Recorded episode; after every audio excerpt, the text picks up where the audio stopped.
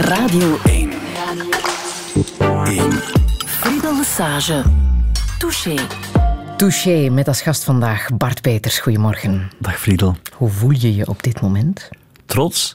Trots? Michael R. Roskam Ja, is geweldig, goed bezig in. Amerika. Ja. Dat is een jongen van Sint-Truiden. Ik ken die. Ik heb natuurlijk die Runskop ook gezien. Ik vind dat geweldig. Ah. Het heeft En natuurlijk ik ook... kan, ik mag al verklappen dat ik de drop heb gezien.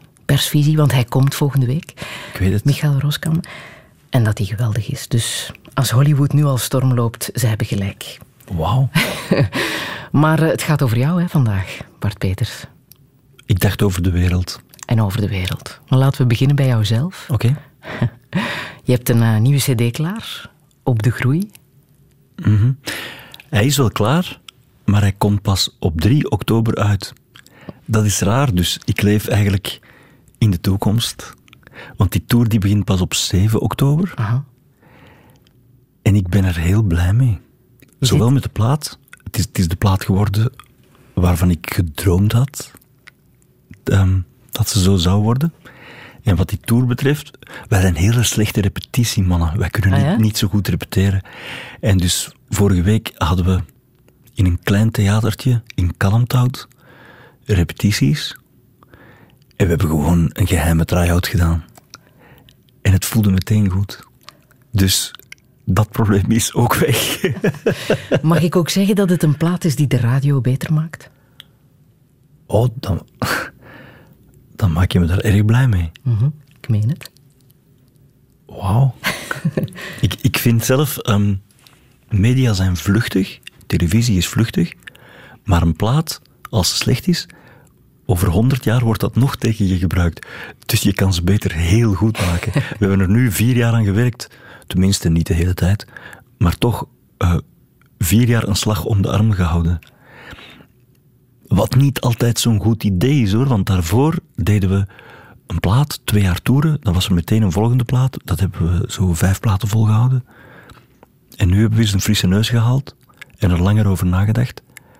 Maar het heeft geholpen bij op de groei. Ja, maar was het ook een beetje op doktersadvies? Het wordt tijd dat je nog eens een liedje zingt. Want daarover zing je ook, hè? De man die niet meer zong. Ja, eh, dat klopt. Het helpt dat je over dingen schrijft waar je iets over weet. Maar wat ik niet weet, is... Heb ik nu een midlife-crisis gehad? Of vijf midlife-crisissen?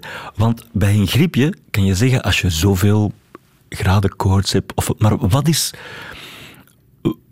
Wat is precies het wetenschappelijke van midlife-crisis? Is dat een brommer? Is dat, eh, weet ik veel waar? Dat heb ik allemaal niet gehad. Maar het klopt wel dat onze huisarts, die niet voor niets een vrouw is, die, die Marleen Plettings, die weet alles beter, hè. Die hebben meer doorzicht. En inderdaad, ik zei van, ik heb nog nooit in mijn leven een griep gehad, en nu wel, enzovoort, nog allemaal van die kleine dingen. En er is precies iets in mijn rug.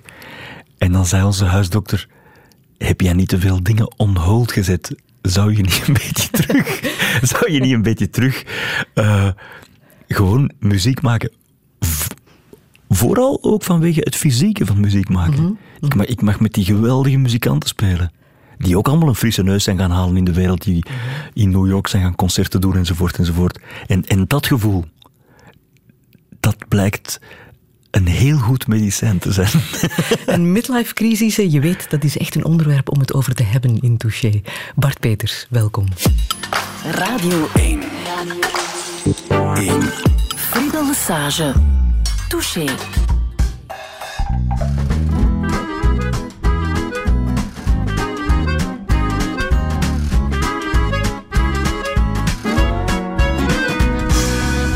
Ik kijk naar buiten, ik zie de mooiste ochtenddauw. Onder het mooiste ochtendblauw. Ik zag een merel en het beestje floot. En viel vervolgens niet dood. Er drijven nauwelijks van die klodders zure kwak. Op de vijver van het park. De kans op rampspoed lijkt losdanig klein. Maar ik ben bang om blij te zijn.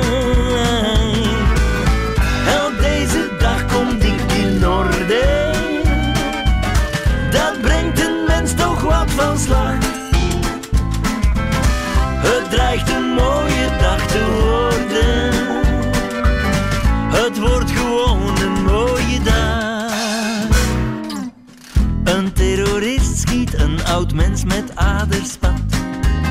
Ter hulp op het zebrapad. Een gangster schoot een arme stucador. 27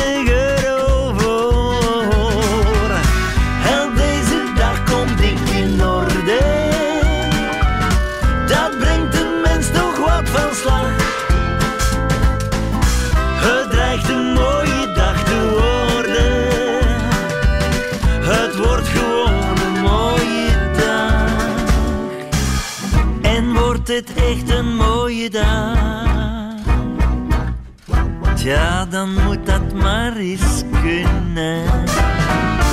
Dan wordt de nacht wel weer een regelrechte rand. Dat moet de zons gewoon weg gunnen.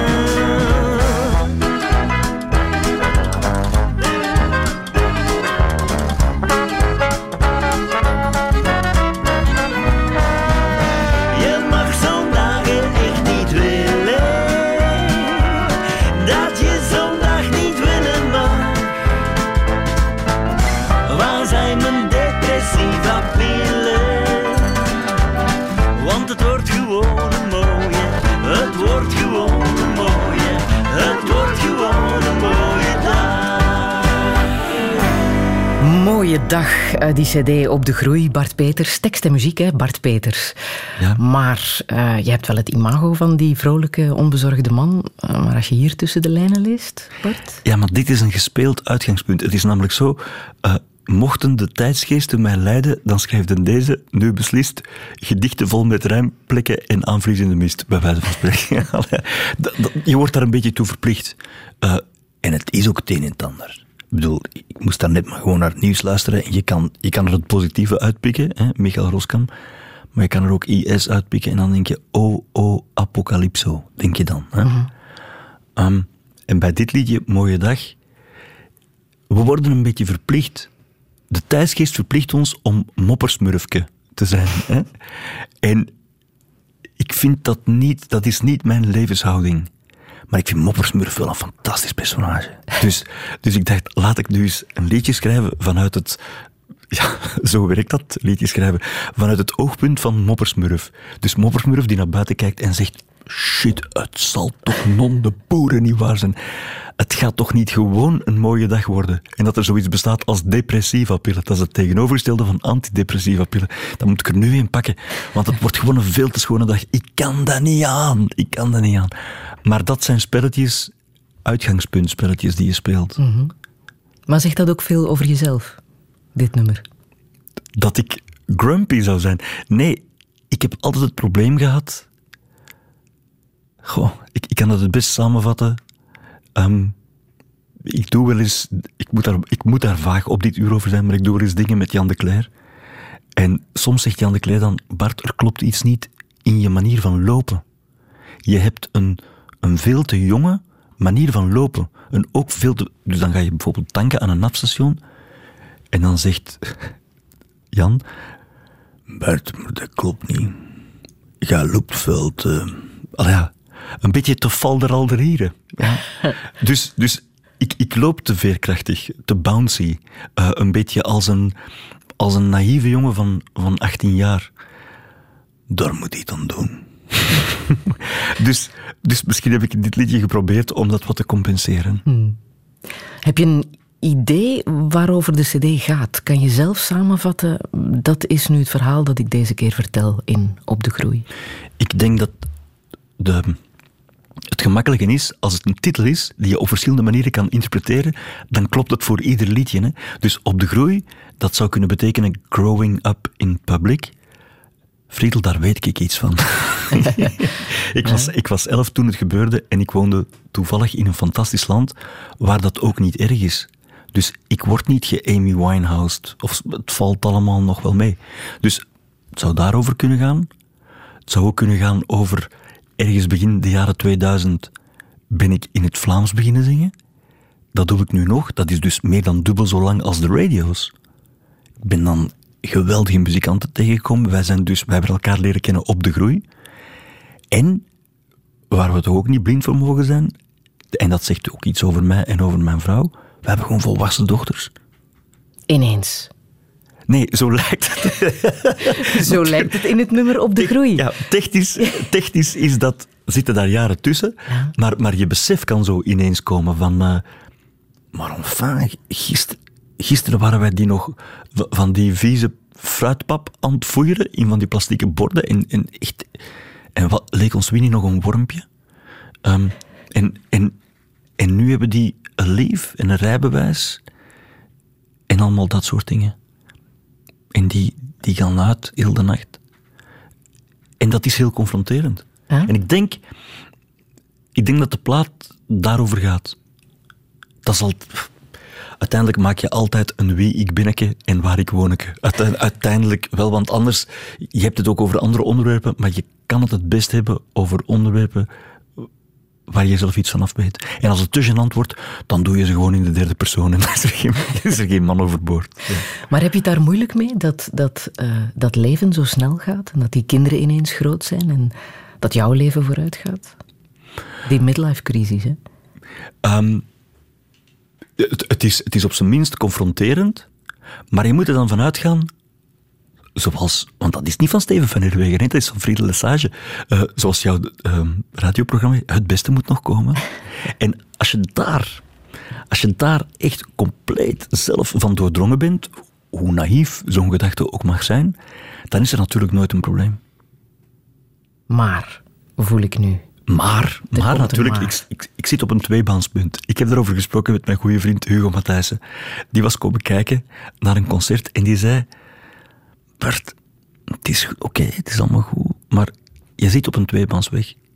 Je gaat uw innerlijke Leonard Cohen moeten zoeken en liefst ook vinden, want anders zulde uw innerlijke Mick Jagger moeten aanspreken. En uw innerlijke Mick Jagger, dat betekent eh, in plaats van één keer per week naar de fitness, drie keer per week naar de fitness. En ik, misschien is dat een beetje mensonterend van te veel naar de fitness te gaan. dus eh, soms, soms zijn, zijn dingen. Dan ben ik altijd blij als je iets wetenschappelijk kan uitdrukken. Hè? Dus je hebt midlife crisissen van één keer per week naar de fitness. Je hebt midlife crisissen van drie keer per week naar de fitness. Dat is al een ergere midlife crisis. Dus ik hou het bij één keer. Voorlopig, hè? Maar je hebt een sabbatical genomen van anderhalf jaar. Ja. Wat was daar nu de echte reden voor? Ehm, in de muziek moet je uitkijken dat je jezelf niet herhaalt. Dus je moet, je moet nieuwe invalshoeken vinden. Bij mij is dat dus heel raar. Ehm, of ik maak muziek die een beetje ongedefinieerd is, die, die heet dan chanson. Of ik laat me inspireren door wereldmuziek en ook wel door rootsmuziek, maar je moet je daar dan in verdiepen. En dan zou je in mijn geval denken, ah ja, oké, jij bent dan naar Cuba getrokken. Nee, Cuba is naar mij gekomen. Want ik heb eh Amel Sara Garcia leren kennen. Dat is een boomse Cubaan, of- een Cubaanse boom. Je begrijpt wat ik, je begrijpt wat ik bedoel. Een gast... een- Uit boom. ja, Eh, maar ook maar- uit nee, Cuba. die, die, keihard- die, die, die komt keihard uit Cuba en dat is, dat is, die weet alles over Cubaanse ritmes enzovoort.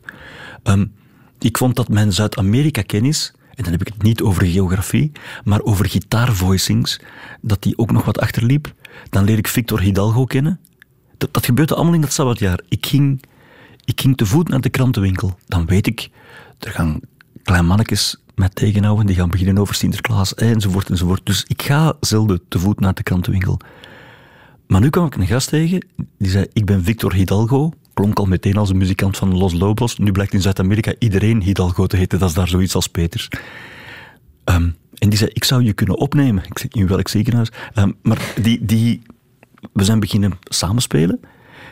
En ik heb mijn Zuid-Amerikaanse gitaarakkoorden aangezuiverd, bijvoorbeeld. Allemaal dat soort kleine dingen. Maar dan heb je het over de, de, de professionele Bart Peters. Is er ook iets met... Oh, oh, oh. Met eh, Gitaarspelen heeft met je hart te maken. Hè? Ja. Ik bedoel, dat heeft heel weinig met... met, met heel weinig met, met, eh, met je beroep te maken. Dat is je passie. Mhm. Ah, je bedoelt, je bedoelt gewoon technisch dat je je meer terugplooit op je gezin, zoiets. Ja? Ehm, ja, of, of, dat, je- eh, of gaan fietsen met de kleinste. Of, of erger nog, we hebben nu een hond, hè. Die heet, Ah, het die, gelezen, een golden retriever. die heet Pebble, ja. En eh, oorspronkelijk waren alleen mijn vrouw en onze zoon waren daar grote fans van. Ondertussen is raar genoeg, dat beest heeft de hele familie ingepalmd. En wij gaan nu allemaal met plezier met een hond wandelen en zo. Dat gaat heel snel. Ja? Dus dat soort dingen, als je, als je te veel werkt, dan kom je daar niet aan toe. Is het een aanrader? Want veel mannen van jouw leeftijd denken daarover na. Of hebben het gedaan. Eh, eh, Nu vraag je me af, waarom- oh, je wilt een hond nemen? Een, een, een sabbatical nemen. En dan als gevolg daarvan een hond kopen en te voet naar de krantenwinkel gaan. En zo. Echt eerlijk, echt eerlijk. Ehm, ik vond het maar niks. Meen Ik vond, iets, ja, ik vond het maar niks. Nee. Ehm, ik, was, ik was gewoon van eh, te leven in een natural high. Hè? En die was nu ook over natuurlijk. Hè? Ja. Zo, zo, Kon je daar dan niet van genieten dat Ik- niets meer moest? er, er wrong wel eens iets echt in mijn maag. Als je bijvoorbeeld familie, met de hele familie beslist van en vanavond gaan we naar The Voice kijken. En dan, zit je wel gezellig in de, in de zetel hè, naar The Voice te kijken en de hond kijkt mee, want als, als het maar gezellig is, de beest begrijpt er niks van. En dan denk je, ik wil helemaal niet naar The Voice kijken. Ik wil, naar, ik wil The Voice zijn. Eigenlijk. Dus laat ik, laat, ik, laat ik maar jou terug The Voice zijn. Nog los van het feit dat ik het technisch niet ben en, en dat er geen Helmut Lotti in, mijn, in mij huist. Maar tegelijk, ik zing die mannen allemaal naar huis. Allemaal. Dus, dus dan zit je dat te denken, terwijl je naar The Voice kijkt.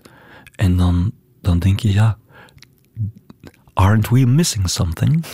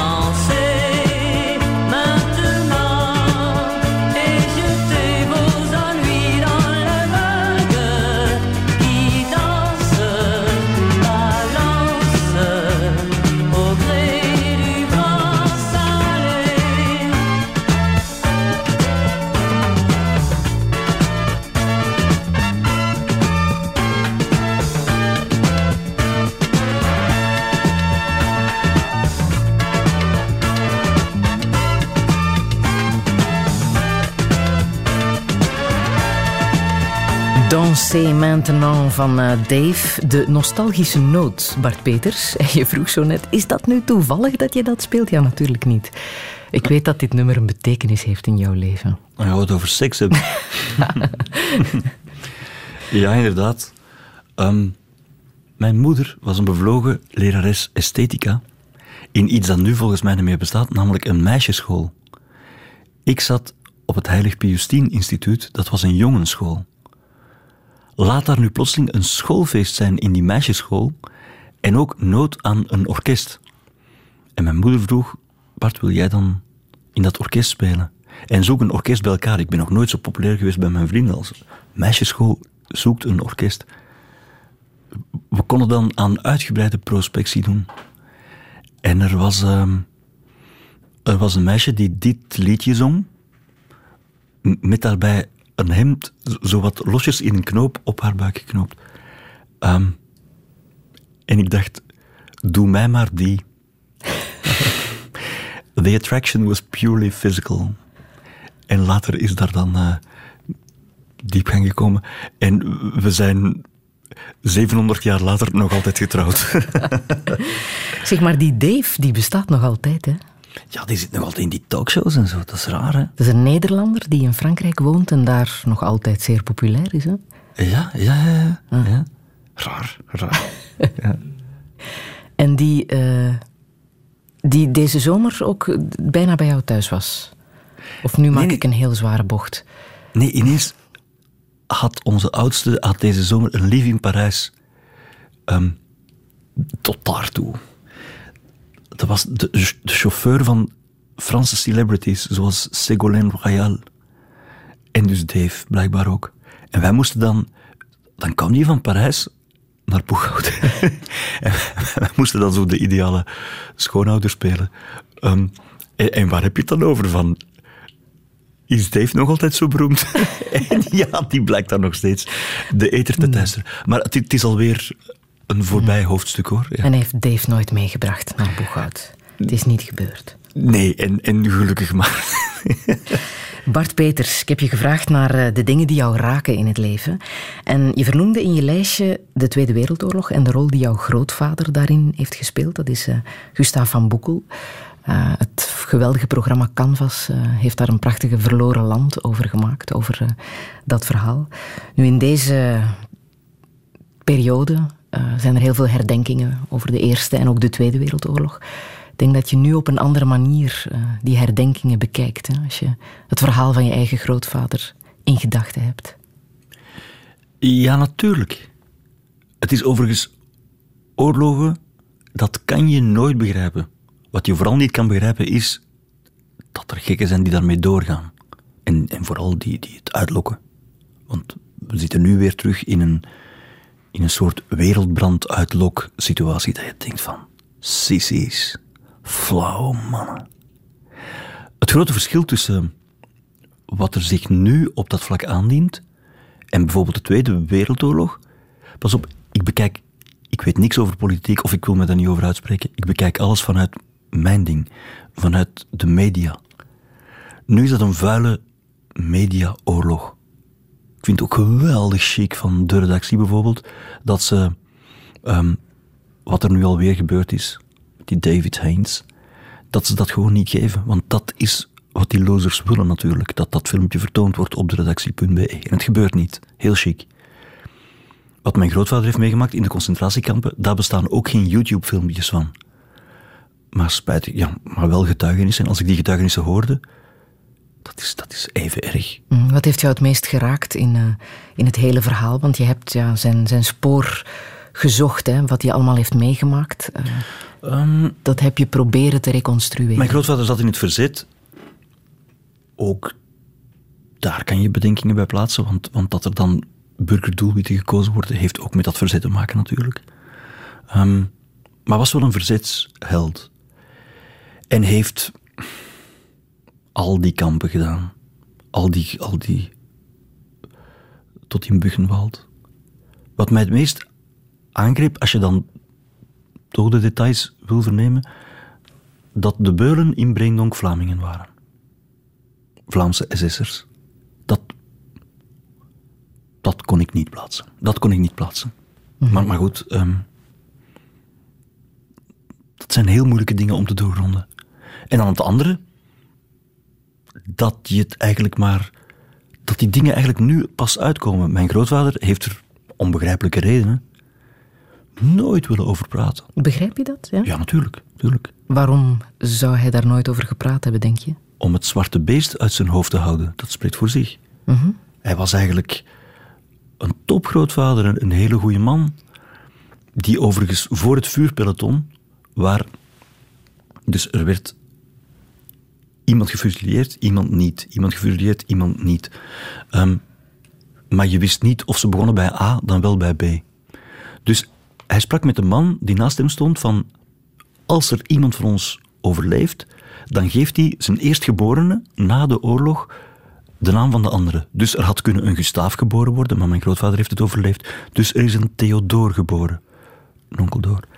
En dan is mijn grootvader zich ehm, zijn leven lang, maar echt meerdere keren per jaar, gaan inzetten voor onze lieve vrouwke van Lourdes. Dus hij heeft dan de diocesane-bedevaart beginnen leiden tot het eind van zijn leven en heeft daar een, een enorme eh, zelfverwezenlijking en, en, en een enorme inzet voor andere mensen aan, aan overgehouden. Het was heel heldhaftig, het was geweldig. En dat allemaal liever dan zeuren en in een depressie eh, terechtkomen. Dus dat begreep ik helemaal waarom hij daar nooit wilde over spreken. En dat ik het niet kon nachecken is heel simpel. YouTube bestond nog niet. En ik denk dat dat het belangrijkste verschil is Maar je hebt in, eh, tussen de nazi's en, en, en IS. in Breendonk heb je wel de cel gezien waar hij heeft gezeten en ook gehoord wat hij fysiek eh, moet hebben ondergaan. Hè? Ja. ja, dat was heel confronterend. Hm. Dat was heel confronterend. Ehm, maar het is toch nog anders dan dat je het op YouTube kan zien. Dus het is nu nog vuiler. Het is nu nog vuiler. Wat jullie toen hadden, als zowat het enige bewijs, denk ik, was een kaartje dat hij uit het raam heeft gegooid toen hij op transport zat richting Duitsland, vermoed ik. Ook heel typisch. Ja. Hij, hij een van de strafkampen waar hij heeft gezeten. hij ging Buchenwald in en heel typisch voor mijn grootvader. Dat kaartje stond vol good vibes. Van, ik heb het helemaal, het, het gaat heel goed en geweldig veel groeten enzovoort. Jouw tante heeft het voorgelezen in, eh, in Verloren Land. Ja. Geliefde bij vondst onmiddellijk in de bosbus te steken. Best en dank. Liefste ma, zuster, kinderen en schattig vrouwtje. Wij zijn heden met veertien lierenaars uit Sint-Gilles vertrokken. Wij weten niet waarheen. Vrouwke, wil zo goed zijn de vrouwen der kameraden te verwittigen. U hoeft niet op inlichtingen uit te gaan. Zodra wij op onze bestemming zijn, zullen wij wel enig nieuws laten weten. Mijn liefste schatje, ginder verter hier. Onze pa, dus de vader van ons papa, was er ook bij. Ik en de kameraden zijn alle in beste gezondheid, zegt mijn ocher. En nu, mijn schatten, ontvang de beste groeten en veel dikke kussen van je zoon, je broer, je pakken en je man. Staf. Liefste schatjes, onnodig ongerust te zijn. Wij stellen het al goed. Radio 1. Ongelooflijk, hè? Dat hij de moed had om op deze manier te schrijven terwijl hij net het tegenovergestelde aan het meemaken was. En dat zo'n briefje wat je uit een trein gooit, dat dat dan wordt opgepikt en dat dat dan inderdaad ook bij de bestemmeling aankomt. Ja, dat is... Dan denk ik, Stavke van Boekel, groot voorbeeld. Maar als je weet wat die man en zijn vader en die andere lierenaars nog te wachten stonden, en dat wisten zij eerlijk gezegd ook, dat staat erg haaks op het positieve en het moedgevende dat uit dit briefje zou moeten blijken. Stel dat jij je grootvader was, dat jij in die periode had geleefd. Zou jij dit gekund hebben? Ehm, ik heb ook last van overdreven positivisme. Ehm, en ik denk. Want het is liegen, hè? Het is, het is liegen over een situatie. Ehm, ze veel rooskleuriger voorstellen dan ze is. Ja, Friedel, dat zou ik ook durven. Maar of dat, of dat klopt. Misschien in deze tijd is dat ook alweer anders. Dus zij wisten ook, er, er, is, van, er is ook alleen maar een redding gekomen doordat de oorlog voorbij was op een bepaald moment. Maar zij wisten ook, wij zijn reddeloos verloren. In deze tijd zou je misschien nog handiger van communicatie kunnen uh, gebruik maken. Zou jij in het verzet zijn gegaan? Zoals je grootvader? Dat is een hele moeilijke vraag. Um, natuurlijk is onrecht iets waar je niet kan mee leven. Um, maar politiek is iets heel moeilijk.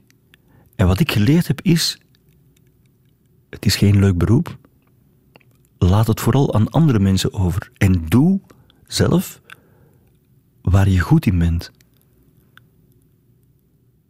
Het is. nu, dus achteraf weet je, door die verzetsdaden was het voor die Duitsers ook niet helemaal meer duidelijk uh, waar de militaire doelen lagen en waar de burgerdoelen lagen. Dus dat heeft de accenten verlegd in de oorlog. Dus was dat verzet zo verstandig? Um, dan zou je bijna denken nee, maar dan blijkt, want ik heb me er ook over gaan informeren, dat dat er nog weerstand was, de weerstand, dat was geen militaire weerstand. Hè? De koning was er ook niet meer en zo. Mhm. Dus dat was echt burgerweerstand. Dus in die zin is het dan weer verstandig. Maar bij al dat soort dingen geldt achteraf, weet je alles van tevoren.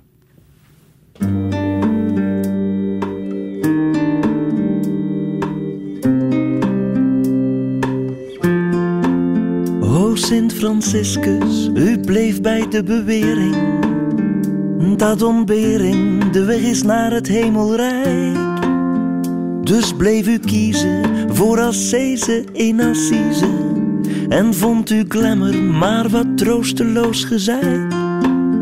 Maar is geluk dan niet een soort van pleister die niet eens zo bijster lang kleeft, zoals een voetbal die als bij toeval dan toch nog even langs de doellijn zweeft. O Sint Franciscus, u was een diva, zonder antidepressiva, mijn mystieke held. U converseerde voortdurend met de mussen, hebben die beestjes ondertussen al iets wezenlijks verteld. En is geluk niet gewoon een soort van pleister die niet eens zo bijster lang kleeft. Behalve dan bij u, o dubbel doorgedraaide zin.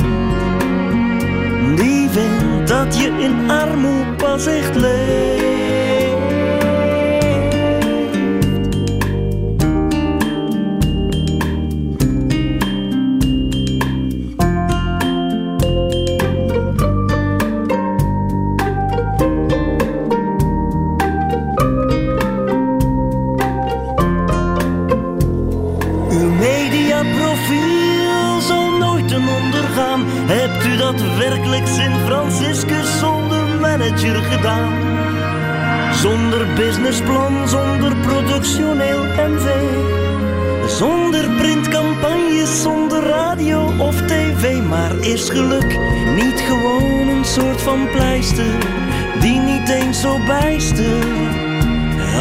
Plakt. Voor u de hemel in het klad, maar voor mij eerder een rat diamantenkaart. Oh Sint Franciscus, ik wil niet stressen, maar zo'n consultatie is dat duur. Red alsjeblieft mijn ziel en geef me duizend levenslessen. Of plukt u liever verder bessen in de natuur.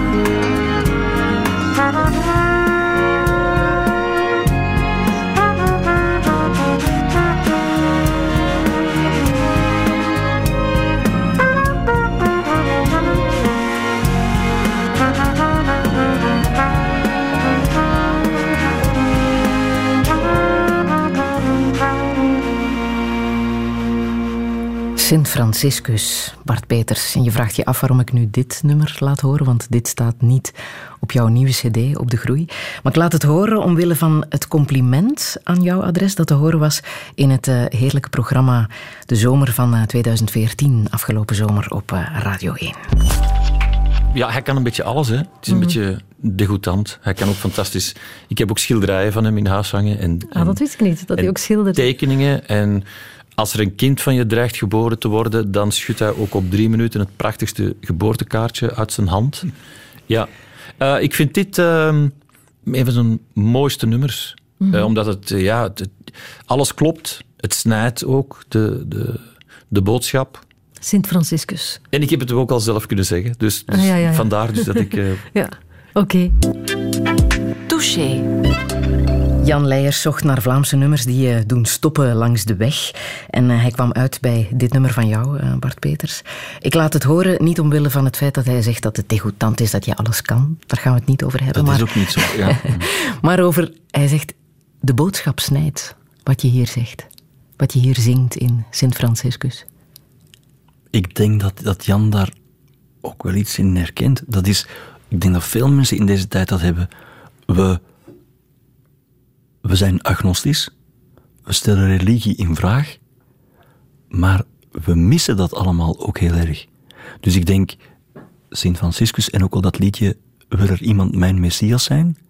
Dat gaat eigenlijk over hetzelfde. Je voelt van, um, in zijn oneindige ijdelheid is in de loop der eeuwen, maar vandaag nog, nog veel pregnanter dan ooit, uh, vindt de mens het nodig om het gelaat van God, van de onbewogen beweger, um, naar zich toe te trekken en te beslissen. Hij ziet er zo uit, dat zijn de normen, dat zijn de waarden en dat, dat krijgt dan allemaal namen van godsdiensten. En dan moet je zeggen, er is niks fout met God, maar er is wel iets heel wezenlijk fout met zijn productiehuizen op aarde. En, en de kerk van Rome is daar geen, ja, ook in sommige fases en in sommige gedachten. Um, ja. Tegelijk, als je nadenkt, dan weet je dat. En tegelijk mis je ook die, die onderbouw, die filosofische onderbouw. Dat, dat is niet leuk, dat wij in twijfel moeten leven. Ik vond het vroeger gemakkelijker, toen ik in de vaste iedere morgen naar de mis ging en een, en een toevallige duif zag, uh, ergens hoog in de kerk, en dacht, daar heb je hem, de Heilige Geest. Ik, dan was, toen was het leven veel eenvoudiger. Ik, ik denk dat Sint Franciscus daarover gaat. Dat je het enerzijds in vraag stelt en er een beetje, een beetje tong in cheek mee doet, maar dat je ook voelt die weemoed van het missen. Het mhm. missen van religie. Dus mocht er ooit iemand geloofwaardig zijn, of filosofisch, vaak is het dan via de ethicologie hoor. Het zal, het zal zelden via een recht toe aan godsdienst zijn het, het, zou mij, het zou me rust geven. Jij hebt me ooit verteld dat je vrouw, Anneke, wel gelooft. Um, ja, maar je gelooft altijd gradueel. Mm het is zo van, tot, tot, tot waar geloof je? Natuurlijk geloven wij allemaal dat er, dat zou nogal sterk zijn, dat er niet een, een hogere kracht is. Hè? Um, het wordt al alsmaar moeilijker, bijvoorbeeld om, om de Big Bang te ontkennen. Friedel, die staat gewoon op YouTube. Hè. Die staat, de Big Bang staat gewoon op YouTube. En jij en ik zijn restafval van de Big Bang. En dat is niet omdat ik dat zeg, maar dat is omdat ik Robert Dijkgraaf ken, een van de meest invloedrijke uh, fysica-professoren van de wereld, die nu in Amerika werkt.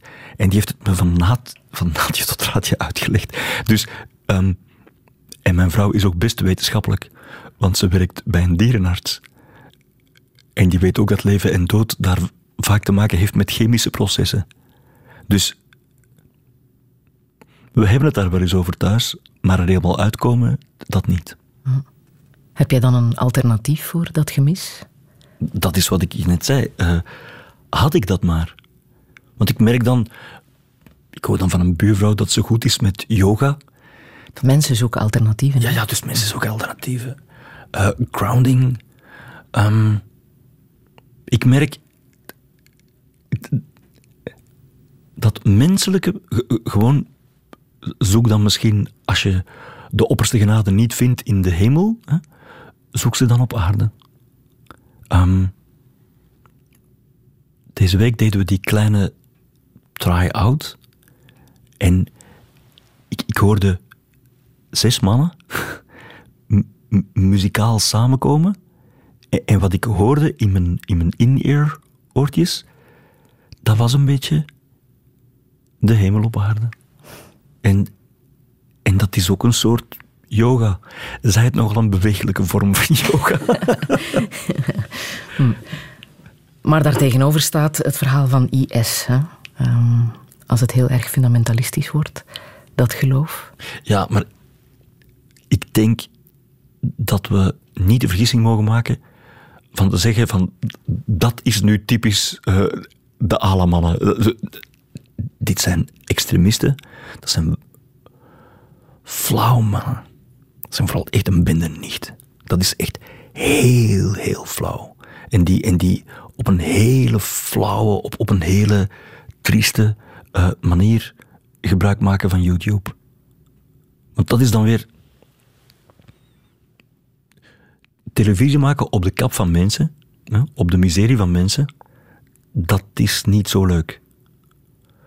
In dit geval is die miserie dat zo mensen Ice Bucket Challenge gewijs de keel worden overgesneden.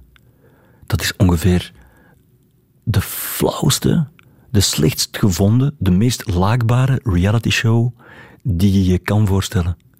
Sorry dat ik het vanuit dat oogpunt zie, maar dat is nu eenmaal mijn beroep. Dus over de rest wil ik het niet eens hebben. Ik, dat zal later moeten blijken. In hoeverre Allah daar een rol in speelt. Ik ben nog, ehm, nog zo hoopvol van te denken dat het daar geen lel mee te maken heeft. Geen lel.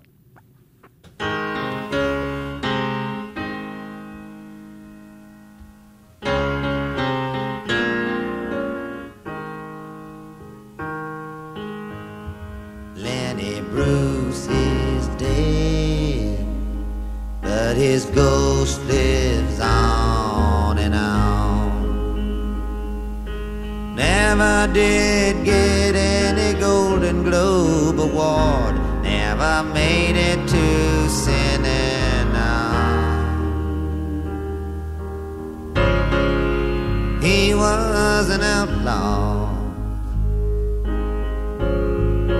that's for sure.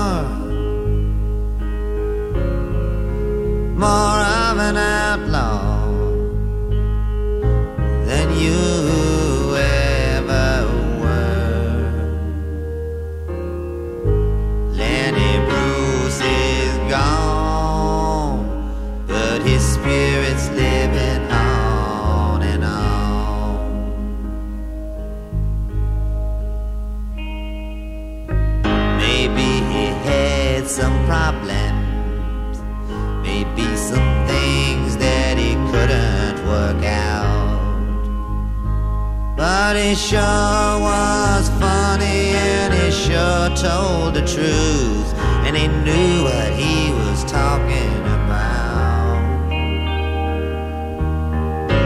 Never robbed any churches nor cut off any baby's head. He just took the folks in high places shined a light in their beds. He's on some other shore.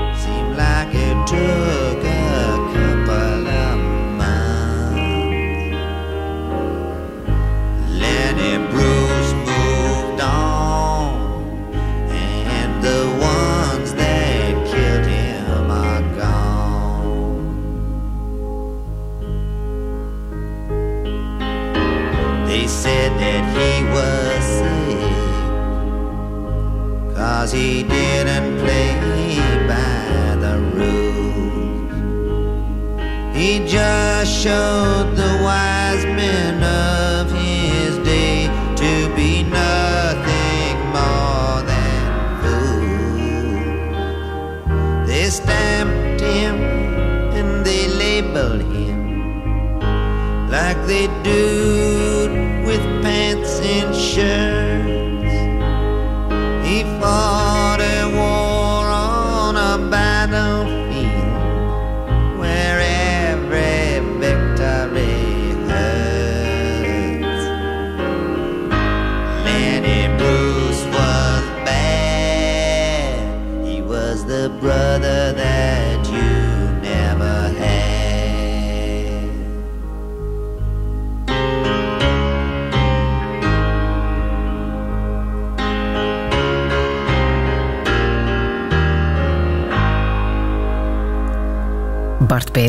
Twee helden van jou in één song. Bob Dylan en Lenny Bruce. Met wie beginnen we? Eh, met het verband, want het klopt wel heel erg dat Bob Dylan een hommage zingt aan Lenny Bruce. De, to- toen het woord stand-up comedy nog niet bestond, was Lenny Bruce allang een stand-upper. En wat heel erg klopt is, allebei leiden ze aan gedrag. Dus ze vinden het leuk om de mensheid altijd terug op een ander been te zetten. Hè. Dat heeft... Bob Dylan doet dat nog. Als, dan uiteindelijk, als hij dan een, volledige mythe is en een, en een held voor de hele wereld, dan brengt hij wel een kerstplaat uit. Of dan doet hij een, een reclame-ding voor Victoria's Secret of zo. Dat, moedig, echt heel moedig. Ehm, ik ken Lenny Bruce natuurlijk vooral door hoe Dustin Hoffman hem gespeeld heeft in, in de gelijknamige film. eh, Lenny Bruce met Valerie Perrin. En dat is wat mij daar zo in aanspreekt, in dat figuur, en dat heb je bij Bob Dylan ook, dat is hun omgang met de populaire cultuur. Dus het, het ding is, je kan ervoor zorgen, dat bestaat. Je, je, je hebt een bepaald talent, je kan dat talent zo gebruiken dat iedereen het leuk vindt. Dan kom je bij de breedste gemene deler uit. Je kan dat talent ook gebruiken dat je het zelf leuk vindt. En dat er mensen zijn die op dezelfde golflengte zitten. En mensen zijn die het niet begrijpen of, of die het gewoon niet leuk vinden. Zowel Lenny Bruce als Bob Dylan hebben heel duidelijk dat gekozen. Omdat hun hart dat zegde. En, ehm, en dat vind ik wel chic. Zelf echt eerlijk samenvallen met mezelf of mijn hart volgen. Ik kan dat bijvoorbeeld in de muziek. Ik kan dat in een theater. Ehm, op een festival wordt het al moeilijker. Want, want als er ehm 30.000 man... eh, we hebben er wel eens allebei gestaan op de Ranoeder. Ik denk van, wacht even. De beginsituatie is hier, er staat 30.000 man en ze staan volledig op hun kop. Hè. Ehm, Denk je dat ik dan ga beginnen met het liedje O Sint Franciscus? Ik, ik dacht het niet. Ik dacht het niet. Dan, dan, dan speel je in op de situatie. Ehm, Lenny Bruce zou dat gedurfd hebben. Eh, Bob Dylan zou dat ook gedurfd hebben. Lenny Bruce zou nog veel meer gedurfd hebben. Hij is Ja. daar ook aan te on- ten onder gegaan. Hè, Ja, hij heeft, hij heeft, Over de grens eh, te gaan. die heeft gezocht naar, naar, de, naar de grenzen en ze ook overtroffen. Dus op een bepaald moment was Lenny Bruce ook gewoon niet meer grappig. Eh, ik ga er dan vanuit dat die film allemaal heel waarheidsgetrouw was. Hij begon racistische grappen te maken en hij vond dat dat allemaal kon. Vaak bij zo'n mensen zijn middelen ook een beetje vertroebelend voor hun geest. En die gaat er dan uiteindelijk aan ten onder.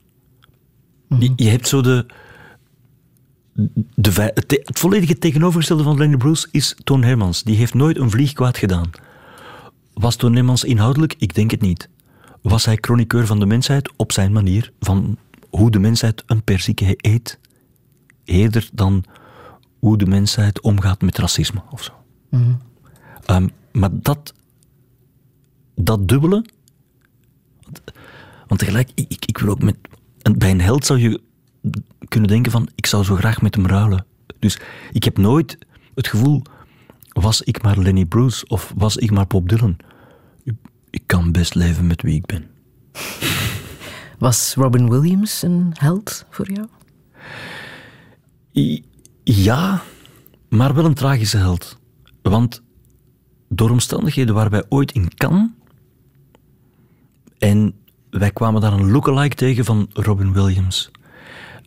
Zo'n man die eh, zonder bodyguards, zonder management of, of wat dan ook, daar ging wandelen, mensen ging omhelzen, duidelijk aangeschoten was. En nu pas, met wat we nu allemaal vernemen over Robin Williams, weet ik, sorry, dat was Robin Williams die daar in het zuiden van Frankrijk eventjes zijn eigen entourage was ontsnapt. En hele domme dingen deed. Gewoon omdat hij op een andere planeet zat. Ehm, ik denk, mensen hebben. Je kan talent hebben voor tragiek en je kan talent hebben voor het tegenovergestelde, voor humor of comedy. Als je beide hebt, dan, ben je, dan heb je een hoger talent, maar dan moet je ook een prijs voor betalen, daar ben ik van overtuigd. Dan is het ook een beetje ingewikkelder om je eigen hoofd te besturen. Moet jij daarvoor opletten? Voor die grens? Ja, maar ik besef gelukkig dat ik in de microcosmos leef. Ik bedoel, ik, ik moet ook uitkijken met uh, hoe je omgaat met de populaire cultuur. Mijn gedachte is, zelfs al ben je vriendelijk voor alle mensen, dan kan altijd nog in je gezicht terug. Dus dat maakt niet uit. Maar ik heb dat nooit voor. Hè. Ik ga nooit bij op de groei denken van oké, okay, geven we het mee met een nieuwe iWatch op 800 miljoen exemplaren en gaan dan de mensen zeggen dat is tegen de cookiewet en we hate it en hoe krijg ik het van mijn iWatch? Dat soort bono-problemen heb ik gelukkig niet, want ik woon in de microcosmos mm. en hij heet Vlaanderen. Jee. Uh, de volgende helden zijn uh, volledig buiten categorie. Je noemt ze zelfs je favoriete kunstwerk. Vind ik een heel mooie omschrijving. The Beatles, Eleanor Rigby.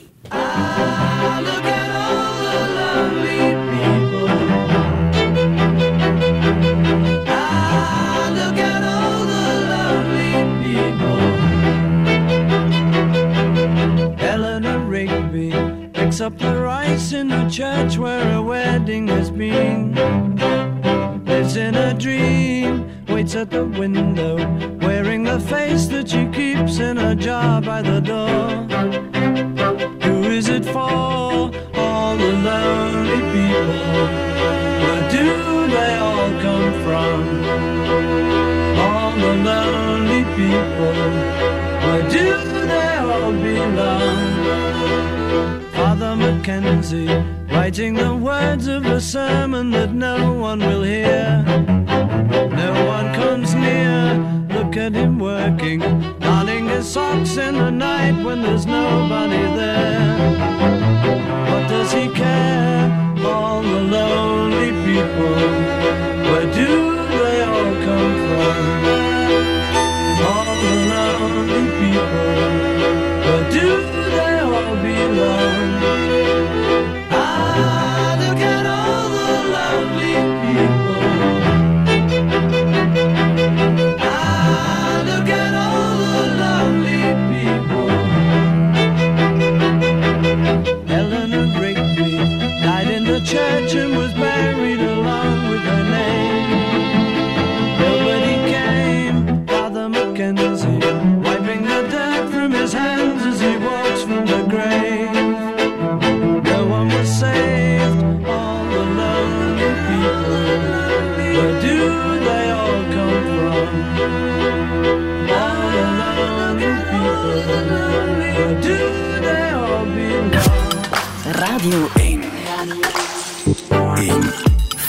Lesage.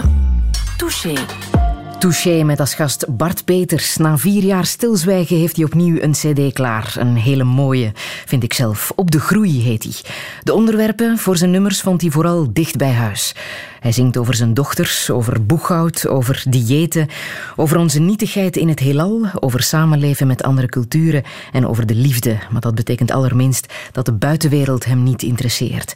Het nieuws over islamitische staat volgt hij met verbazing en de herdenkingen rond de twee wereldoorlogen beleeft hij door de ogen van zijn eigen grootvader. Hij mist religie en twijfelt of zijn sabbatical wel zin heeft gehad. Hij vond het maar niks. En er is nog meer dat hem raakt. Dit is Touché met Bart Peters. Een zeer goedemiddag.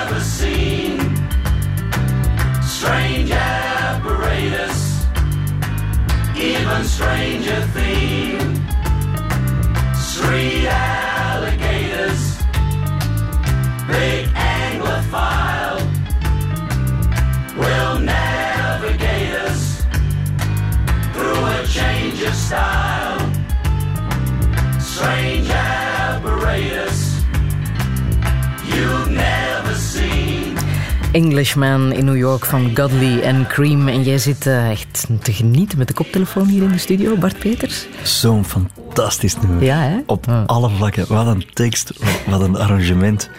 Wat een mooi liedje gewoon. Eh, eh, Wat vind je zo, zo straf aan dit nummer? Ik ken die mannen toevallig. Ik heb daar, ja, ik heb er een programma mee gemaakt en ik ben met ze opgetrokken. Met Kevin Godley en Lol Cream. Twee ongelooflijk grappige gasten. Die eigenlijk uit 10cc kwamen.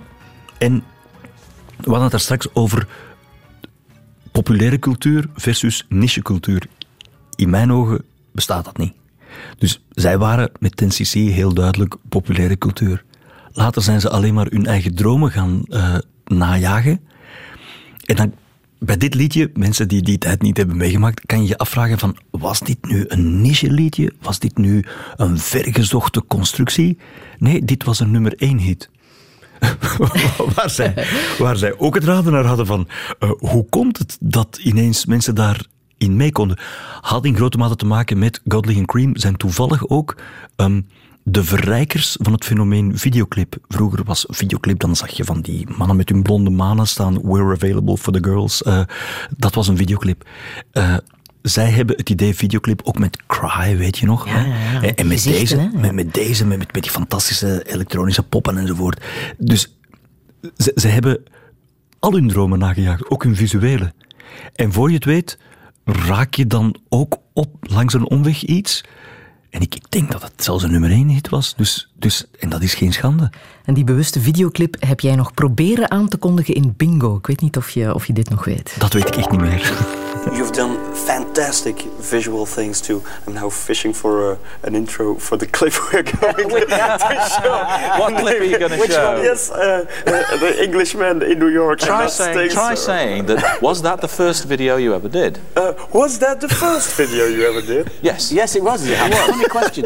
Strange you should suggest But in your own studios, I mean, then you had the Limehouse studios already. No, no, You no, no, no, no, Oh. you misunderstand. Oh, sorry. No, no, we rented a studio in London. Uh, we had the idea for a video, and we had the storyboard, the little drawings, and we went to the record company, and we asked them if we could make our own promo film, they were called in those days. And um, so we did. The Englishman in New York video was the first time you came even in a director's room of a studio. Radio 1. Ja, en dat was op de openbare omroep in Bingo. Zo'n programma's maken ze niet meer, Bart. Ik was toen een naïef manneke. Dat kan je wel horen. Was, Ik was, Hoe oud was je toen? 28 of zo, ja. Nee, 25, 26. Zo Leeftijd is geen doekje, is, is geen uitvlucht. Maar ge- geweldig. Supermannen en, en grappige mannen. Want dat, dat was eigenlijk een interview en normaal gezien wordt er dan maar een stukje uitgebruikt. Maar dit gesprek was zo leuk en zo bruikbaar dat ze er een special hebben van gemaakt. En dat is dan gewoon onversneden, ongemonteerd uitgezonden. En, en ik zat maar een beetje als een marsmannetje met, met die grote, straffe mannen te praten. Maar die waren heel grappig. Eh, je zegt, die mannen zijn niet in een vakje te stoppen. Die waren wat ze waren, eh, wat ze zijn. Dat is bij jou ook zo, hè? Bart Peters is heel veel. En dat lijkt me een voordeel. Jij kan zowel op Canvas als op één. Jouw muziek kan zowel op Radio 1, Radio 2. Jij Niet kan alles. overal. Niet alles. Eh, ik denk, je moet niet samenvallen met... Dat, dat denk ik eigenlijk al. Je moet niet samenvallen met een format. Je moet ook niet vallen- samenvallen met een niche. Je moet ook niet samenvallen met welke, welk medium dan ook. Je moet alleen samenvallen met jezelf. En het zou nu echt geweldig zijn mocht je kunnen zeggen, Friedel en ik val altijd samen met mezelf. Dat is niet zo. Dat is niet zo. Het gebeurt wel eens dat... eh, Vorig jaar was er nog... Je kent het programma Sing That Song. Hè? Ik had het nog niet gezien. En ze zegt, ja Bart, jij zingt toch liedjes? Kom meedoen. En ik bleek dat eigenlijk helemaal niet goed te kunnen. Ik viel, daar, ik viel niet samen... Ik, ik kan wel liedjes zingen, maar eigenlijk alleen maar degene die ik zelf heb gemaakt. Ik speelde vroeger in een balorkest met Jan Leijers en Hugo Matthijssen, maar ik was de domme drummer. Ik mocht nooit eh, liedjes nazingen. Dus daar voel ik dan, oh kijk, hier vallen we even niet samen met onszelf. En, en dan, dan zwem je er ook wel tussendoor, maar, maar dan kom je thuis en dan denk je, hmm, Sam, dit kon ik dan toch maar lekker niet. Of, of, of, of het voelde niet, het voelde niet eh, logisch. Ja, zoiets. Maar waar zien we de echte Bart Peters? Op canvas of op één? In het theater natuurlijk. Ehm, in het theater. Ja? Zo simpel is dat. Ik denk dat dat ook een beetje logisch is. De televisie zet je op, soms ook per toeval. In het theater maken mensen een hele bewuste keuze.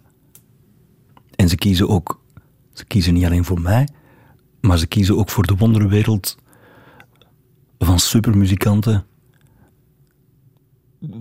Ja, die ik, waar ik de, de euvele moed heb gehad om ze te durven uitnodigen. Want dat, dat, moet, dat moet durven. Zo- Zo'n ongelooflijk straffe eh, muzikanten vragen van, ja, ik ben het maar, maar eh, zullen we samen op tour gaan? En ondertussen doen we dat al sinds begin de jaren 2000. Dus, eh, ja, en, dat is ook, ik merkte dat heel erg toen we die try-out deden vorige week. Je moet zelfs niet nadenken, het gaat vanzelf. Van, als ik, ja, ik, ik had misschien nog een stom idee. We zouden nog, weet ik veel, lepeltjesgewijs nog eens in een reprise kunnen doen, maar onszelf dan louter begeleidend op lepels. Dat is nu niet zo'n, dat is nu niet zo'n geweldig idee. Maar dan die mannen, oké, dat moeten we doen. En we deden dat. En dat bleek geweldig fris. Dat, dat bleek geweldig tof. Maar hadden die nu gezegd, lijkt nergens op, dan had het niet gebeurd. Dus je moet soms met mensen kunnen pingpongen. En, en dan klopt het. Heb je ergens spijt van als jij terugkijkt op je carrière? Ehm,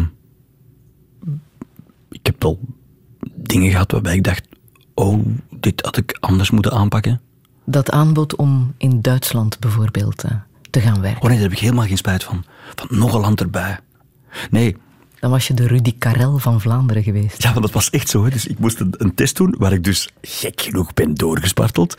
Eh, en dan kwam er een taalkundige en dan zo, we brauchen keine Moderierung, we brauchen een stand-up. Dat Ik dacht, wat, wat, zegt je nu allemaal?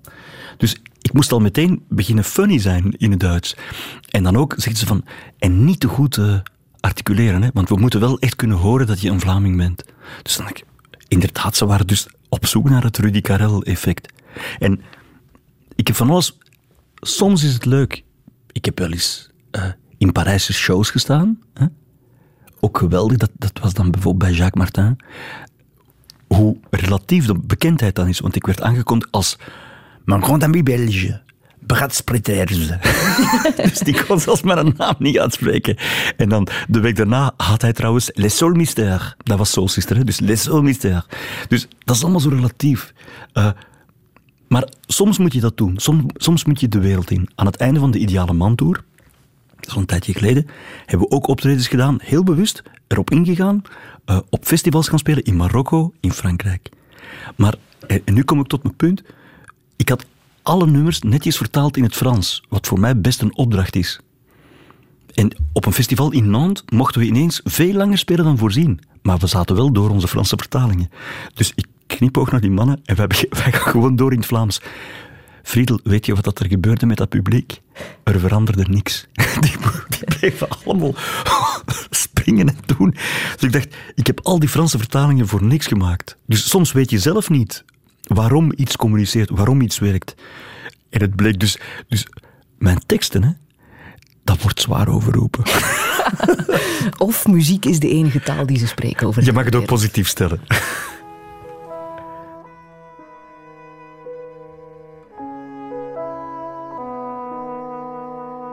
Meneer Alzheimer, ik wil even met u praten. Met mij gaat het nog goed, ik ben niet oud. In mijn gelei hierboven zitten nog geen gaten. Maar op een dag, en dat laat mij niet koud, ben ik dit lied al lang vergeten. Dan weet ik niet wat ik vanavond zong. Maar nu wil ik daar niets van weten. Want nu ben ik nog goed en bij en jong genoeg om even iets aan u te vragen. Mijn probleem is echt niet al te groot. Het gaat over mijn laatste dagen. Als u toeslaat, zo vlak voor mijn dood, wilt u een beetje selecteren, zodat ik de mooie dingen wel onthaal. Dus als ik in mijn stoel zit weg te teren, dat ik nog even mag denken aan mijn vrouw, wie ik zoveel jaren heb gevreden, met wie ik zoveel uren heb gewoond, dat ik nog een beetje weet hoe men het deed, omdat mijn eigen lijf mij dat dan nooit meer toont. Ach, ik wil best een heleboel vergeten, ik weet zo al twaalf vrouwen op een rij. Van zeker drie zou ik de naam al niet meer weten. En de rest verzuipt ook in die grijze brei. Er is meer dan genoeg om mee te nemen. Pak mijn angsten, mijn wanhoop en verdriet. Pak ze, ik zal ze echt nooit claimen. Maar al het mooie, neem dat niet. Pak mijn geld, mijn leugens en mijn ruzies. En mijn iets te vaak verongelijkte toon. Maar laat aan mij die paar illusies. En de liefde voor mijn dochters en mijn zoon. En één ding mag u zeker pakken. Daarvoor ben ik nou eenmaal veel te laf. Misschien hoor ik daarom bij de slappe zakken. Maar ik smeek u, neem mij mijn doodsangst af. Zodat ik mooi en stil de wereld kan verlaten. Met een knipoog naar de mijnen, zonder angst. Meneer Alzheimer, valt daarover te praten. Want voor doodgaan ben ik levenslang het bangst. Dus dat ik mooi en stil de wereld kan verlaten met een knipoog naar de mijnen zonder angst. Meneer Alzheimer valt daarover te praten, want voor doodgaan ben ik levenslang het bangst.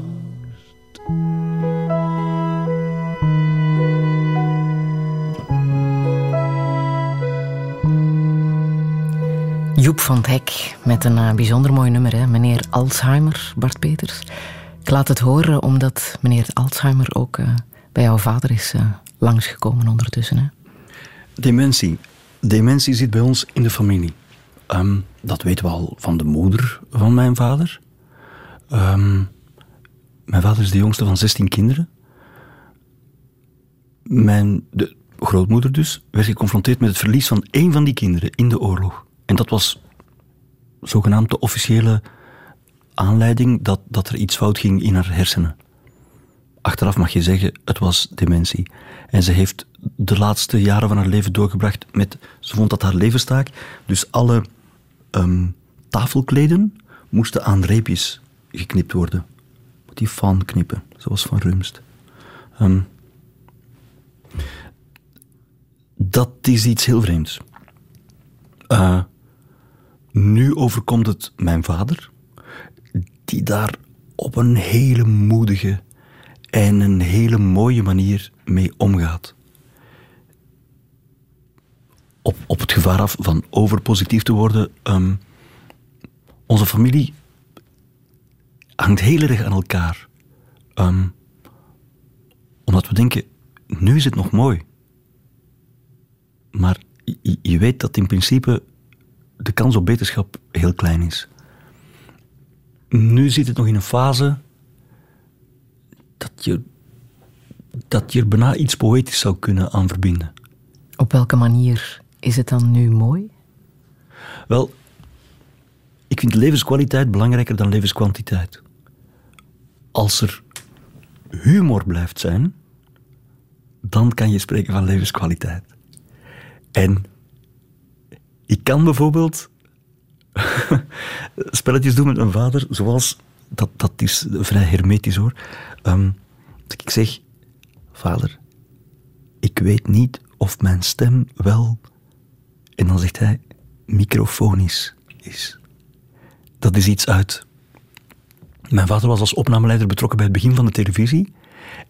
Het is een hele oude mop uit het begin van de televisie. Dus als dan mensen werden geïnterviewd, dan waren die altijd heel bezorgd of hun stem wel microfonisch was. Compleet onzin. Dus of je stem wel kan opgenomen worden door een microfoon. Eh, dat was in de jaren 50 een, een echt existentieel probleem voor mensen die iets te maken hadden met televisie. En dat is ook heel typisch, dus dat je, je herinneringen gaan altijd terug naar, naar vroeger. En dat is, dat is onze hermetische humor. En, en dat werkt nog altijd allemaal prima. Ik ben eens in het archief gaan zoeken op zijn naam, want hij heeft hier inderdaad gewerkt hè, als eh, studiomeester. Marcel Peters, ik heb hem gevonden. In een eh, documentaire waar wordt uitgelegd hoe het tv-spel wordt gemaakt. En je hoort hem aftellen. Je mag aftellen. Ja, opgepast Marcel. 10, 9, 8, 7, 6, 5, 4, 3, 2, 1, start. Muziek. Gepast. Fade in. Cue Werner. Touché. Jouw vader als studiomeester bij de opnames van eh, Drie Dozijn Rode Rozen 1968. Ja, mijn vader was van opleiding acteur. Zat overigens in dezelfde klas als Dora van der Groen en Julian Schoenaerts. Maar van zijn schoonfamilie mocht hij geen acteur worden. En hij moest een ernstig beroep kiezen. Ehm, het heeft er lang naar uitgezien dat mijn vader met een, met een jongleeract de wereld zou afreizen. Namelijk, je kent het wel zo, die man die op die ladder kruipt zonder dat die ladder gestut wordt. Hè? Die ladder die balanceert. Of, of gewoon, dat, hij is ook heel lang acteur geweest. Heeft heel lang eh, de knecht van twee meesters gespeeld. En, en zat zelfs in het eerste jeugdfeuilleton, Schatteneiland, van de VRT. Maar hij moest dus een ernstig beroep kiezen. Dat moest van, mijn, eh, eh, ja, van zijn schoonouders. Dan is hij opnameleider geworden. Maar daardoor begreep hij zo goed die acteurs. Naar het schijnt, de gemiddelde Julian Schoenaerts, dat was niet simpel om daar... Dat waren ook allemaal live-uitzendingen, om daar goed mee om te gaan. Hij speelde dan Sigmund Freud, de goede Julien. S'avonds werd geconfronteerd met een decor waar nog een deur meer was dan hij in zijn hoofd had voorzien. En dan krijgt zo'n man een, een, een aanval van... Dan zou ik dat helemaal anders spelen. Had ik geweten dat daar een deur was. Ja, die deur is er. En vijf minuten later moet je wel live de eter in. Mijn vader kon dat allemaal heel diplomatisch oplossen, want hij wist hoe acteurs in elkaar zaten. Ja. Maar dat was hoe hij was. Jouw broer Stijn zei me, sinds half juli ehm, hebben we eigenlijk die vader niet meer. Nee, nee, dat is waar. Maar we hebben nog altijd die geweldige ouders. Dus we- ik kan nog altijd zien. Want dus, dat heb je nu natuurlijk. hè. Er is een ongelooflijk. Mijn, mijn moeder en mijn vader die, die hebben een verschil van zeven jaar. Wat in het, in het gewone leven nooit merkbaar was. Maar nu, ons moeder, dat is een jong poppenmeek van, van 76 jaar, die morgen met de Rolling Stones, nu niet als zangeres, maar, maar misschien als, als stage manager of zo, meteen zou kunnen vertrekken. En die heeft daar de, de ongebreidelde energie voor. En ons vader lijkt nu natuurlijk veel ouder. Maar toch zie je van... Dat, dat koppel heeft altijd gedraaid op tegenstellingen. Dus nu de tegenstelling energiek en, en veel minder energiek. Vroeger was het ons moeder, dat is het meest linkse... Nu zou dat PvdA zijn, was een tijd Amada, hè? dat. En mijn vader was, was heel conservatief. Die stemde altijd voor Leo Tindemans. Dan denk ik, maar, maar hoe kunnen zo'n twee mensen dan van elkaar houden? Ja, dat ging moeiteloos. Echt, echt een voorbeeld. En nu zou je kunnen denken, mijn moeder is, is super energiek en kan nog de hele wereld aan. Dat is bij mijn vader expliciet niet zo. En toch is dat nog altijd een, een wonderschoon koppel. Dus ik probeer op, op het gevaar af van te positief te zijn, ehm, daar het mooie van te zien. Dat probeer ik. Neem je toch op een of andere manier ook al afscheid? Ehm, dat is een. Dat is een neiging. Maar ik heb, ik heb geleerd in, in het leven dat je. dat je daar heel voorzichtig moet mee zijn. Dus ik, afscheid, dat is iets, Friedel, dat is iets dat heeft te maken met de dood. En ik ben, dat heeft ook met mijn leeftijd te maken, ik ben al veel te veel geconfronteerd geweest met de dood. En, ehm, en het is pas als het echt zover is, dat dat afscheid er komt. Ik, geef een voorbeeld. Mijn goede vriend Robert Mossuze, wij zaten samen in de radio's. Dat weet iedereen, die is van een hersentumor gestorven in 2000. Niet geheel toevallig het jaar waarin ik in het Nederlands ben begonnen. Want toen ben, ik beginnen schrijven. Overigens, dat soort nummers komen er nu pas uit, want dat is, dat is een beetje raar, dat je dat soort dingen covert. Maar bij Robert was het bijvoorbeeld, je mocht over de dood niet spreken, want hij was liever een verwende popster. Hij kwam met een limo, een geblindeerde limo aan. Wij reden met zo'n klein busje. Maar dat was gewoon omdat hij epilepticus was en, en die hersentumor had. En hij mocht ook maar een uur per dag functioneren. De dag voor zijn dood heeft hij ons allemaal getroost en gezegd van, dit is er aan de hand, ik ga sterven. Ehm, je- je mag... Je moet daar ook het positieve van... Dan denk ik, wacht even, dit is de omgekeerde wereld. Hij troost ons. Maar ja, wij zaten een beetje... eh, wij zaten er een beetje door. En een dag later is hij gestorven. Dus, dus zelfs, zelfs bij afscheid moet je durven beseffen dat de dood ook bij het leven hoort. Zoiets.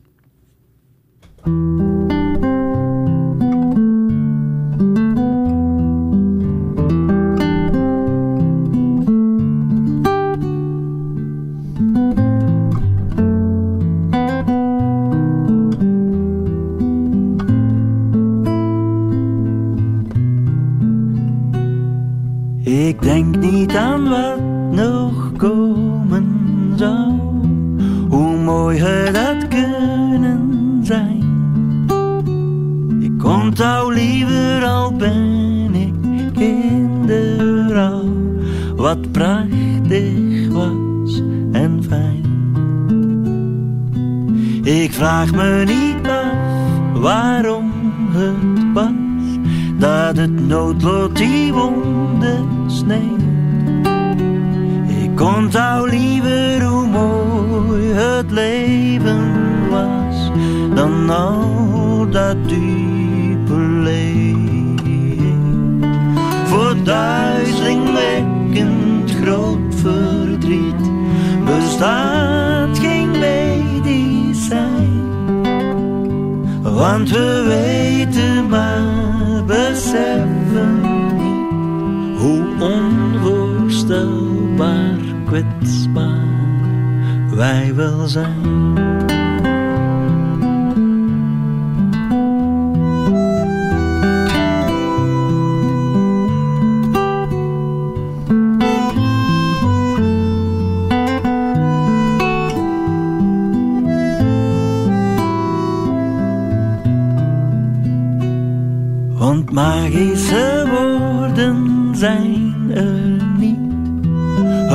Valt ons diep en zwaar.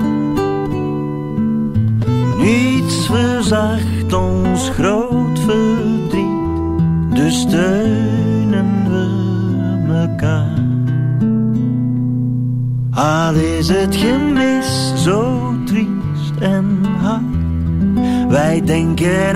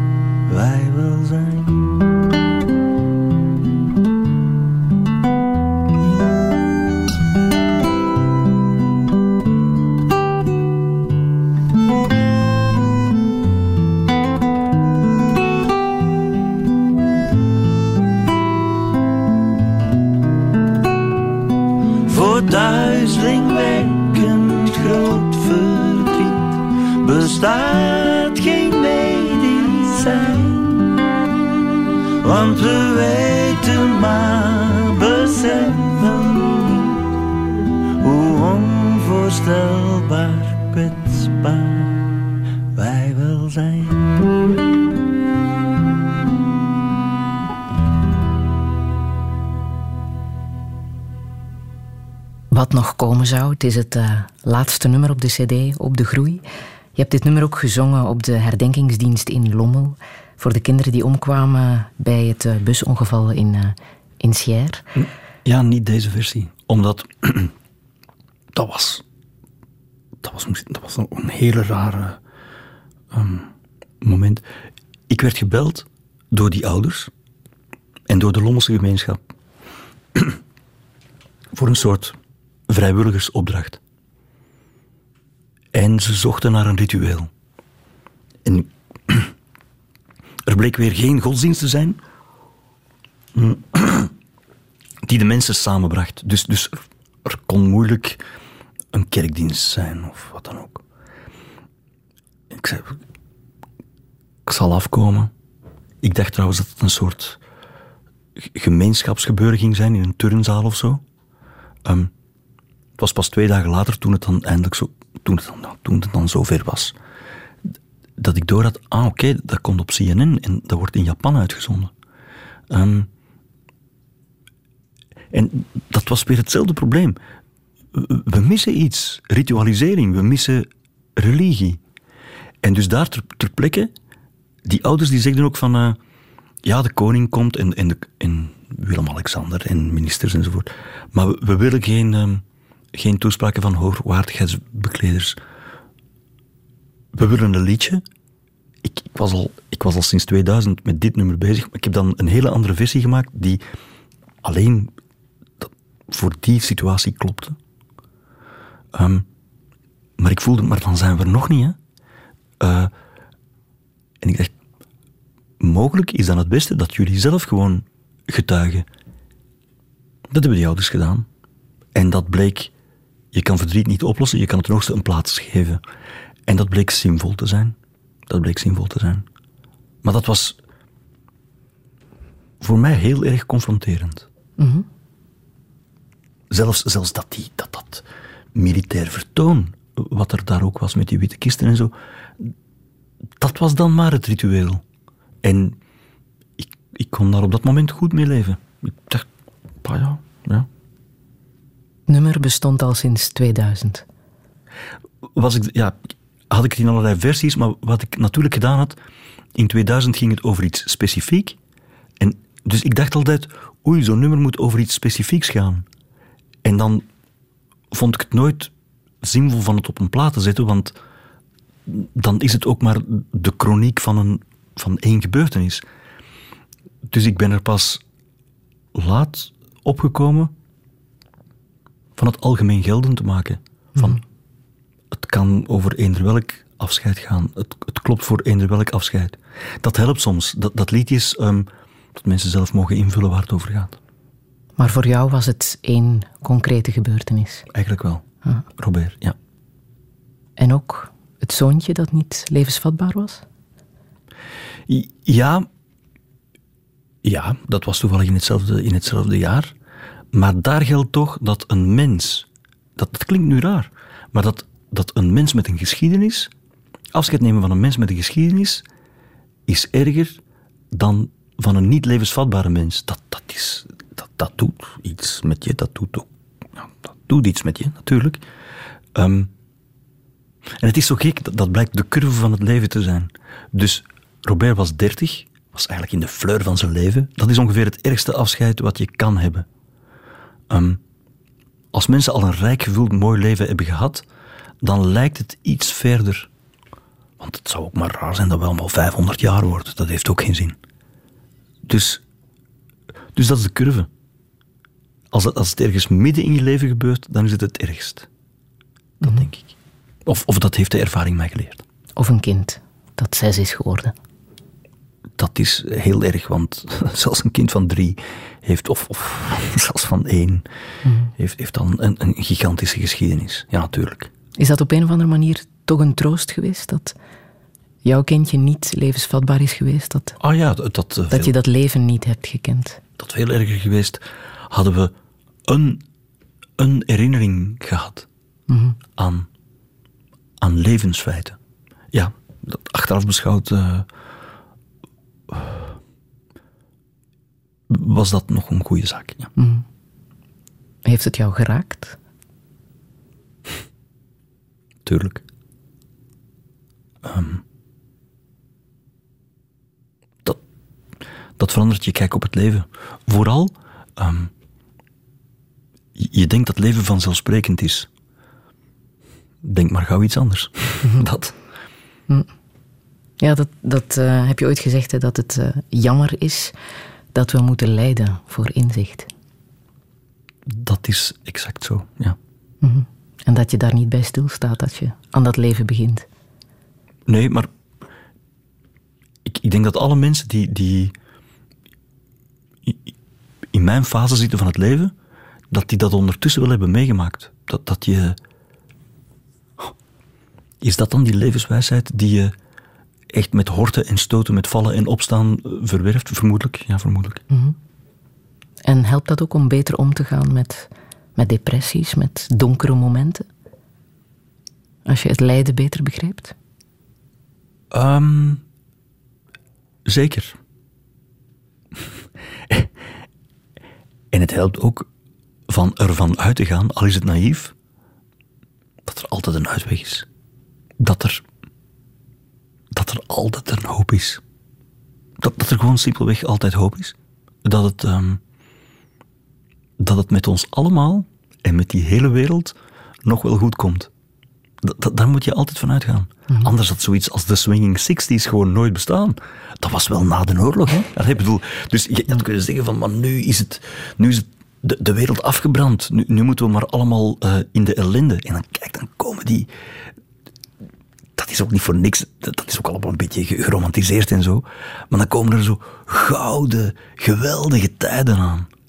Ik denk, ja, dat is ook een curve. Zo up, down, up, down. Het is fantastisch dat je dat nu zegt, maar zijn er momenten geweest in je leven dat je dat niet dacht? Eh,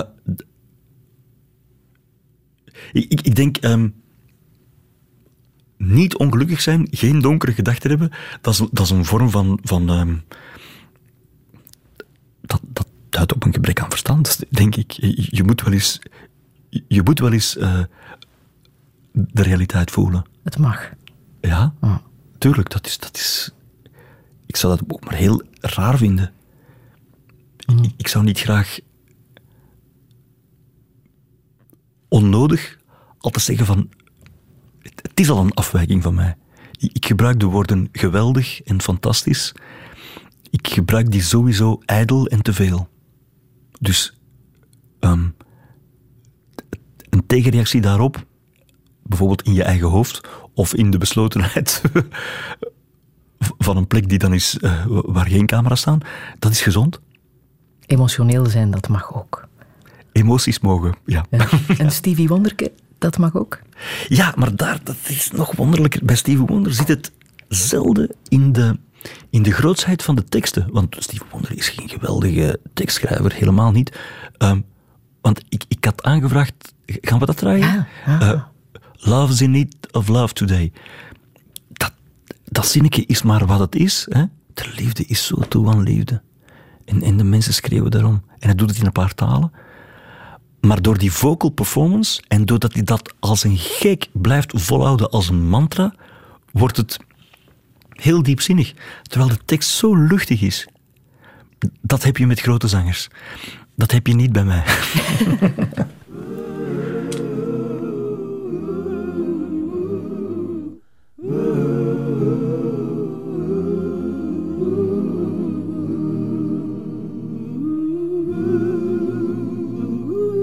Good morning or evening, friends.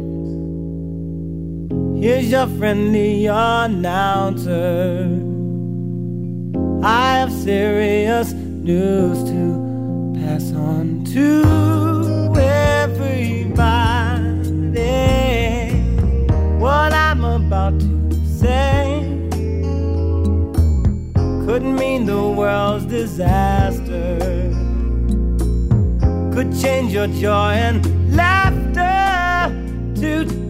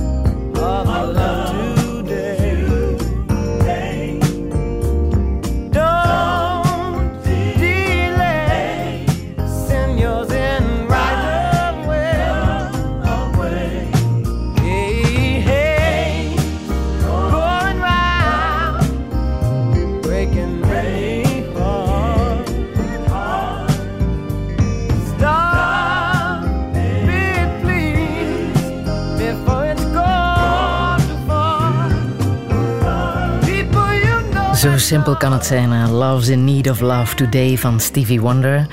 Bart Peters, woensdag wordt een spannende dag voor jou. Hè? Dan ga je naar Berlijn. Ja, naar de Gouden Roos. Dat was Je bent vroeger- genomineerd in de categorie eh, eh, comedy. Ja, met een laatste groet. Dat heet eh, in de wereld blijkbaar Laugh in Memory. Ja, want dat, dat wordt allemaal vertaald enzovoort. Dus ehm, we zitten bij de laatste drie finalisten. Maar ik was gisteren een beetje de moed kwijt, want mijn concurrent blijkt Graham Norton te zijn. Dat is die gekke Ier eh, van de BBC. Die is ook wel goed, hè?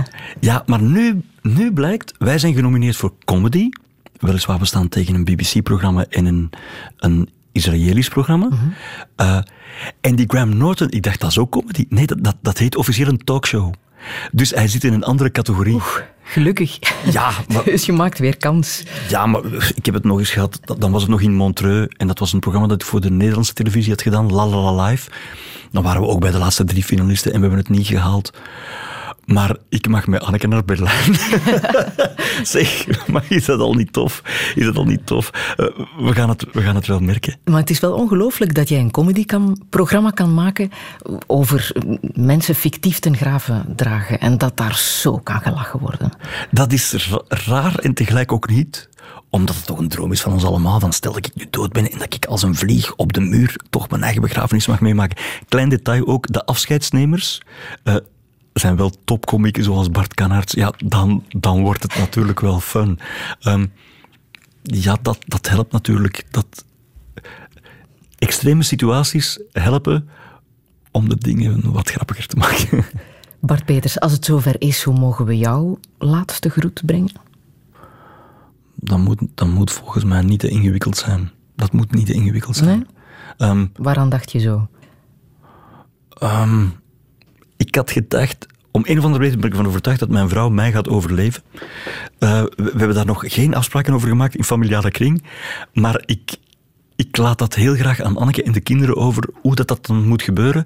En misschien ook wel, er is in mijn leven al zoveel show geweest dat, ehm, dat die begrafenis nu eens echt heel simpel mag zijn. Ik zou het spijtig vinden dat het in, in, een of andere schouwburg of zo zou zijn. En een kerk, dat lijkt me ook al een beetje... Dus we komen, het lijkt wel alsof er een rode draad zit in dit gesprek, namelijk het gebrek aan toepasselijke rituelen. Ja. Dus dat ritueel moet nog een beetje uitgevonden worden. Als ze uiteindelijk beslissen van we maken nog een extra aflevering van een laatste groet, maar dan met een echte dode, dan kan ik daar ook mee leven. Jouw dochter, eh, een van jouw dochters heeft al eens gerepeteerd hè, in eh, de laatste show. Nona. Met ehm, hoe die laatste groet aan jou zou moeten klinken. Lieve papa, ik vind het oprecht jammer dat je dood bent. Ik denk dat je nu zelf wel ook beseft dat alcohol, je haar goed leggen in de achteruitkijkspiegel en een totaal gebrek aan talent voor autorijden niet echt een geweldige combinatie is. Papa, we gaan uw afwezigheid voelen. Allee, dat denk ik. Dat weet ik eigenlijk niet. Waar waarde eigenlijk altijd? En wie ga ik nu moeten wakker maken tegen dat middageten klaar is? Wat ons mama betreft, onze buurman Jan Leijers is, echt, allee, is daar echt goed aan troosten. Dus daar moet je zeker geen zorgen over maken. Vermits ik nog nooit een lijk met ADHD heb gezien, durf ik zeggen... Rust in vrede, papa. Ja, goed gedaan, hè? Ons Nona is heel grappig. Ja, onze oudste dochter is, is geweldig grappig. En gaan ze jou volgen in jouw voetsporen? Zijn ze dat van plan? Eh, ons Nona drumt in een, in een heavy metal groep. Dus ja, ik was vroeger ook een drummer. Eh, dus ja, ik, ik ben niet... Ik, ik, ik vind die DJ's allemaal wat overschat. Ik hou van Tomorrowland, omdat ik van de Efteling hou. Eh, maar onze tweede dochter, die is, die is nu weer DJ. Die is Ah, ja? met haar lief eh, Bricol en Hubo. Dus ik, heb gezegd, ah, ik speel soms Rodi voor ons Nona, dan zet ik haar drumstel op, dus ik zal voor jullie ook eh Rodi spelen. Dus ik mag dan de USB-stick dragen, want meer is dat niet. Eh, maar nee, zoveel showbiz-atomen ehm, liggen er bij ons thuis niet op de tafel en ik vind dat heel goed nieuws. En jouw zoon? Die is vooral bezig met eh, gamen, skaten, ehm, met zijn maten, buitenspelen eh, en computeren ook wel. Ah, heel belangrijk. En hij maakt ook muziek. Hij heeft een groepje, het heet De Brokkenpiloten. maar ze maken voorlopig nog weinig brokken. Ja. Je wil nog Tito Puane laten horen. Tutu Puane. Tutu Puane. Ja, eh, ik ga heel graag naar jazzconcerten. Daar zitten de beste muzikanten. Tutu Puane is een Zuid-Afrikaanse, fantastische zangeres. Echt zo'n zo'n prachtige Afrikaanse stem. En ik heb haar uitgenodigd voor Op de Groei om samen een duet te doen. Ik dan zo met mijn gitaar daar naartoe. En ze ging akkoord. Maar ze maakt, er komt ook een nieuwe plaat van haar uit. Die heb ik nog niet gehoord, maar die zal ook heel mooi zijn. Dit is van haar vorige. Om met een echte zangeres te mogen samenzingen, dat is zo geweldig. Maar dit is hoe ze, hoe ze zelf klinkt, met haar man Ewout Pireux. Wat een Belg is trouwens. Check them out.